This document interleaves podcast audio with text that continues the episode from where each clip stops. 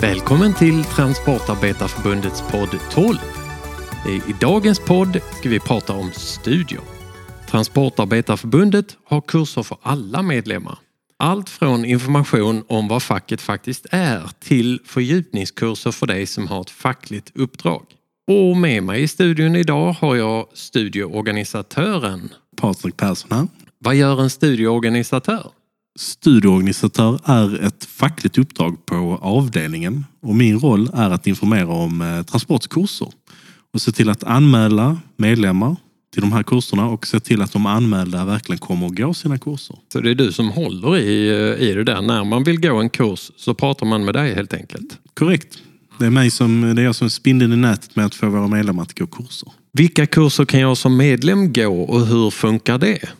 I transport har vi massa olika utbildningar. Vi har ehm, startpunkt, avtalspunkten, viten, avtalskurs, fliten, drag, roa med flera. Men första steget i vår utbildningstrappa heter startpunkten. Startpunkten är en eh, fyra timmars informationsträff där vi på vår, i alla fall i vår avdelning, vi bjuder på pizza och går igenom eh, varför facken bildades i slutet av 1800-talet, hur facken påverkat hur Sverige ser ut idag och vad som händer om du skadar dig på jobbet eh, med mera.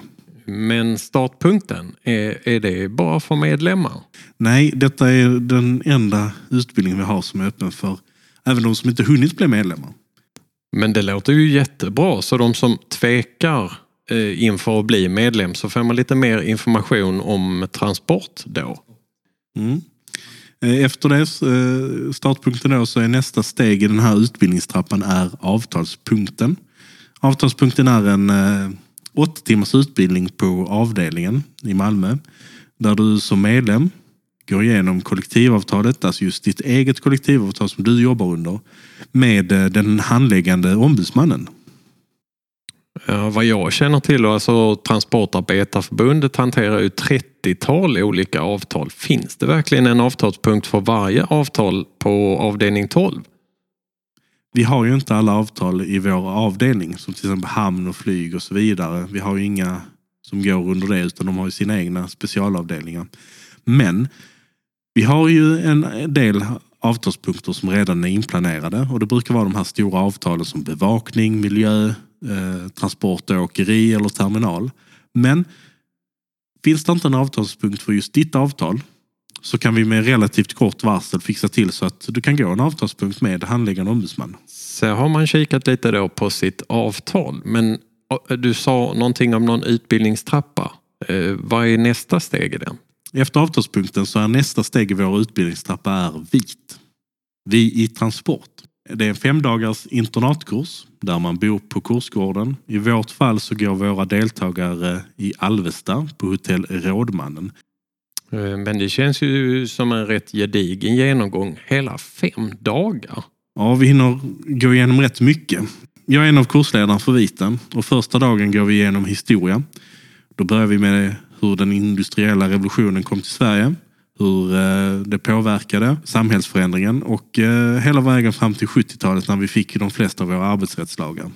Vi har även en dag som bara går igenom arbetsmiljön, hur detta fungerar på arbetsplatsen och hur det är tänkt att arbetsmiljöfrågor ska hanteras ute på sin egen arbetsplats till exempel. Sedan har vi också en dag med arbetsrätt där vi går, vi går inte igenom några specifika kollektivavtal utan vi går igenom arbetsrättslagar som semesterlagen, medbestämmandelagen, lagen om anställningsskydd med flera. Och det finns ju fler steg i utbildningstrappan efter viten.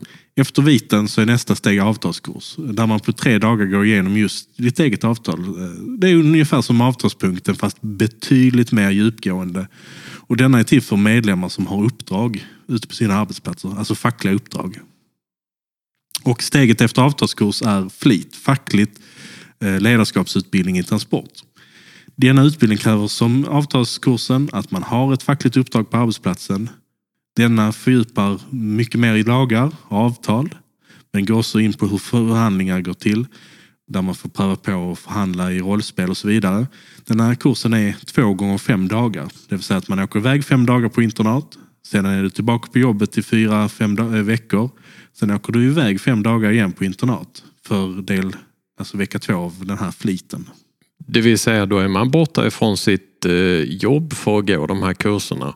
Eh, behöver jag som medlem betala något? Jag menar kursavgifter och hur blir det med lön och sånt? Eh, Transport står för alla omkostnader när, när du är borta på kurs. Det vill säga, du får full pension och boendet.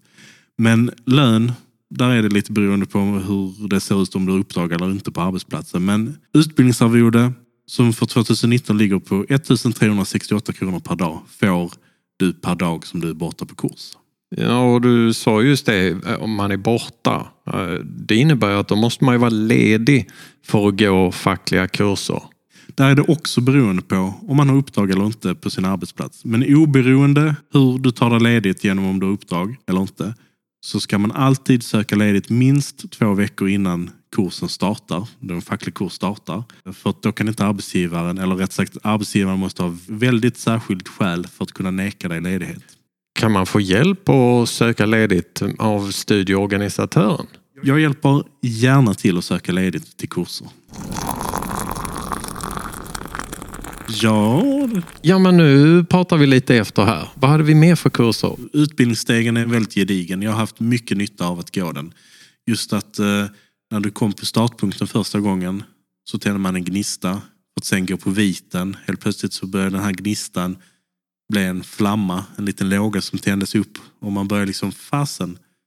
Jag vill verkligen engagera mig för att förbättra dels att man har kvar som man har det på arbetsplatsen men även kunna förbättra för dels sig själv och för kommande generationer. Något jag själv tyckte liksom när jag gick alla de här kurserna, eh, det var ju just att du träffar så många andra. Och, och ibland på de större kursgårdarna så träffar du ju massa människor från andra förbund också. Och, och det får en att inse att man är inte själv. Det finns väldigt många kamrater runt om i, i landet. Precis. Man kanske känner sig själv att man är den enda som är engagerad på sin arbetsplats. Men när man går fackliga kurser så upptäcker man att, som du säger, man är inte själv utan på många av kurserna så har jag träffat eh, ja, kamrater för livet om man säger så. Och det är ju en stor del av det här att vara ute på just externat. Att man, eh, eh, man träffar andra, man sitter och pratar lite på över eh, olika fackliga gränser. Och när man väl har pratat med ett antal människor så inser man att vi har egentligen väldigt likartade problemställningar. Nej men precis, man är ju, eh, även om man, just när man kör tvärfackligt då, som när man träffar från andra fackförbund och sådana kurser som också finns att kunna gå, så märker man hur snabbt att ingen är unik. Alltså bara för att man jobbar som lastbilschaufför och har något visst typ av problem. Det kan vara arbetsmiljöproblem eller det kan vara arbetsledningsproblem eller vad tusan som helst. Så träffar man på folk som har exakt samma situation och de kan ju liksom vara inom hemtjänsten, det kan vara inom bageri, det kan vara vad tusan som helst. Mm, och det är ju det som är så himla skoj. För att, och dessutom får man inblick i hur andra yrken fungerar. Vad, vad gör de här människorna hela dagarna? Eh, som inte jag känner till eftersom jag sitter ju i princip inlåst i min lilla värld och, och gör mitt jobb. Nej, det här med att gå fackliga kurser det är verkligen utvecklande. Mm. Även om man inte känner att det är inte så att bara för att man går en facklig kurs att man ska känna sig tvingad att ha ett uppdrag på arbetsplatsen. Men vissa kurser är ju bara till för om man har fackligt uppdrag på arbetsplatsen. Det är just för att arbetsgivaren eh, står för vissa av eh, kostnader då när de ska utbilda sig. Och då måste du ha uppdrag på arbetsplatsen. Men många utbildningar vi har är öppna för med alla medlemmar. Ehm, och man kan engagera sig utan att ha det på just arbetsplatsen. Och det tycker jag man ska ha med sig att Ehm, för att vara en aktiv medlem så betyder det inte bara att man ska, ja nu måste alla bli skyddsombud. Utan kom på, gå en utbildning, kom på ett möte. Då aktiverar man sig som medlem och då vet man vad som händer runt omkring och då vet man liksom vad facket står för på ett helt annat sätt. Ja, och en annan sak som man också eh, får till sig väldigt mycket när man är ute på de här kurserna, det är ju egentligen inte vad, vad facket gör just nu. Utan man sitter väldigt mycket och diskuterar vad vill vi facket ska göra framöver? Vad vill vi tillsammans uppnå med den här verksamheten? Och, och det tycker jag är otroligt spännande, alltså för att det är då Eh, man sitter och pratar sig samman. Okej, okay, vi vill uppnå en viss grej och så sitter man och diskuterar hur kan vi tänkas komma dit? Nej men precis, och det är just det här som när man är ute och träffar eh, Eh, jag i egenskap av studieorganisatör följer med ut på arbetsplatser och pratar med de som kanske inte har hunnit bli medlemmar. Och så kanske någon säger att ja men vad gör facket? Eller jag skulle aldrig vilja vara med i facket på grund av att eh, vi har inte fått bättre löneökning, bla bla bla. Så det kan vara jättemånga olika skäl. Och då brukar jag alltid säga till att ja men då är det ett gyllene tillfälle att bli medlem och gå på möten och vara aktiv och vara med och påverka. Är du missnöjd på hur facket är? Vem är det som är facket? Jo, det är alla som är medlemmar är facket. Hur påverkar man en demokratisk organisation? Du deltar i mötena. Du deltar liksom. Det är så du påverkar. Ja, det är ju det som är demokratins kärna. Det sitter inte någon i toppen och bestämmer liksom att nu ska vi göra det här. Utan det, det är massa människor som träffas och har ett gemensamt mål och samtliga jobbar ditåt. Och det är ju i princip så, det är ju lite det man får lära sig verkligen på startpunkten också, eller få inblick i i alla fall. Eh, att det är det som är fackets kärna. Att det, är liksom, det är inte några få eh, som står och bestämmer utan det är alla tillsammans som har en gemensam målsättning. Som du sa eller nämnde högre lön till exempel. Vill man ha det, ja men då är vi många som slår oss samman och, och ställer det här eh, önskemålet eller kravet på, på vår arbetsgivare att så här vill vi ha det. Och det tycker vi allihopa. Och det är ju just det som är demokrati. Som du säger här med startpunkten så är en del som jag brukar trycka på där är att det här med facklig verksamhet eller som man kan uttrycka sig facklig kamp. Kamp är ju ett väldigt starkt eh, laddat ord men just att eh, facklig kamp på arbetsplats.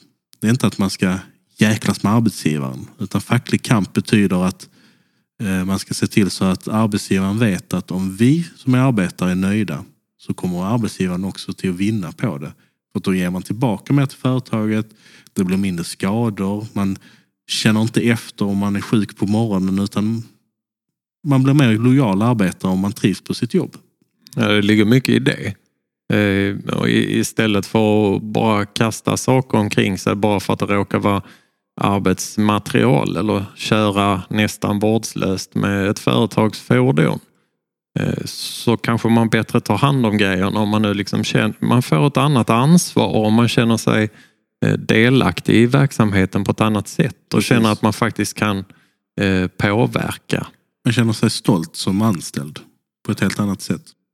Ja, idag har vi snackat lite om studier och studietrappan i förbundet som vi har och lite allmänt här om våra tankar och funderingar om studier. Så nästa poddavsnitt kommer till att handla om eh, ordning... Nej, vad heter det?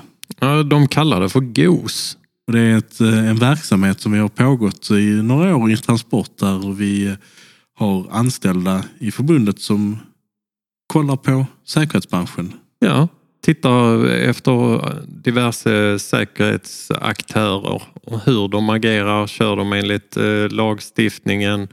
Eh, de har även väldigt mycket kontakt med myndigheter och, ja, och en liten påtryckargrupp egentligen. Alltså är det något särskilt som vi, för det, det är ju mycket så här inom säkerhetsbranschen eh, så är det väldigt mycket som är styrt i lagar. Och vill du ha någon förändring där så får du helt enkelt gå in och ändra lagen. Och det är ju en mycket längre process än att få en, en överenskommelse med en specifik arbetsgivare. Och just därför är GOS-verksamheten otroligt intressant.